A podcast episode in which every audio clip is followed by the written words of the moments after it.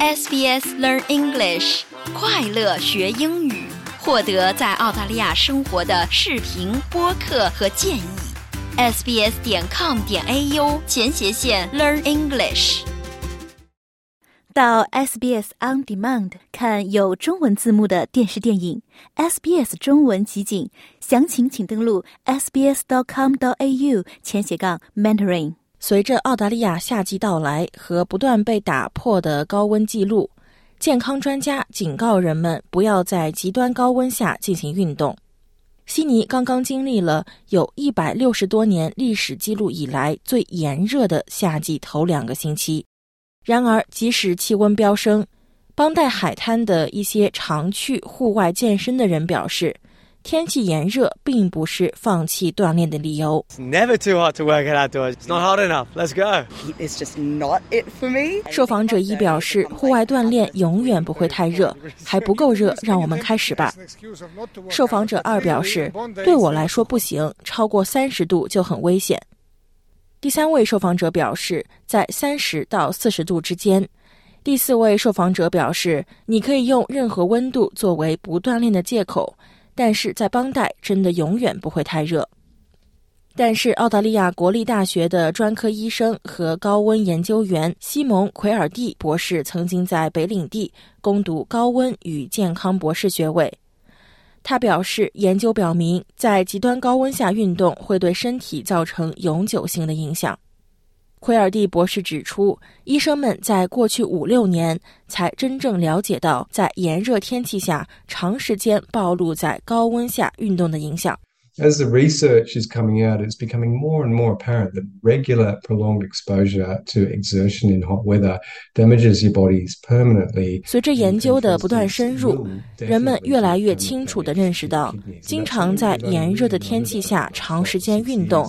会对身体造成永久性的损害，例如肯定会对肾脏造成永久性损害，而这是我们在过去五六年才真正了解到的事情。因此，极端高温以及它如何与我们的身体相互作用的问题才刚刚开始研究。如果人们想要健康长寿，就必须意识到这一点。我们必须适应我们目前生活的气候限制。研究表明，当身体开始发热时，首先受到影响的是大脑。奎尔蒂博士表示，在高温下进行运动不仅会损伤器官。还可能导致危险的决策行为。As your body heats up, all of your organs start to come under strain, and we have acclimatization biology built within us to try and deal with that heat. And one of the first organs to be affected by the heat is your brain. 当你的身体开始变热时，所有器官都会开始承受压力。我们体内有适应热量的生物学机制来应对高温。而最先受到高温影响的是你的大脑，所以是的，你可能会做出关于横穿马路的错误决定。你可能会决定继续跑步，然后其他器官也开始受到影响。首先出现的迹象是做出错误决策。你也开始感到非常炎热和口渴。有些人开始有发烧的感觉，或身上会起鸡皮疙瘩。这是身体开始无法应对高温的迹象，然后你的身体内部热量不断增加，你的器官就像开始被烤熟了。随着澳大利亚各地气温持续上升，奎尔蒂博士表示，让我们的身体适应高温非常重要。他指出，生活在炎热环境中的人通常比生活在寒冷气候中的人更加能够抵御高温，但是他也警告说。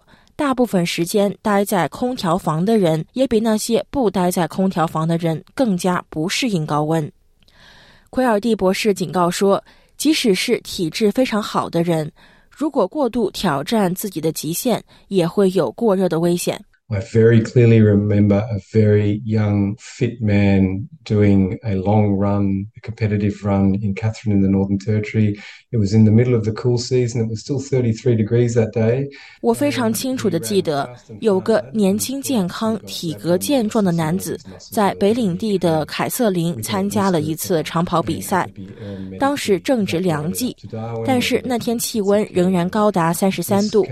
他跑得又快又猛，结果晕倒。在地，得了横纹肌溶解症，导致肌肉细胞坏死，他差点因此丧命，最后被直升机送到了达尔文的重症监护室。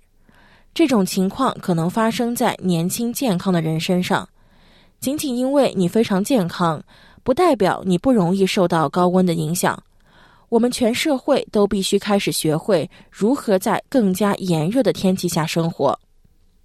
因此，随着夏季高温记录的不断刷新，奎尔蒂博士建议民众在清晨利用一天中最凉爽的时段进行锻炼，并避免进行可能致命的最后一次锻炼。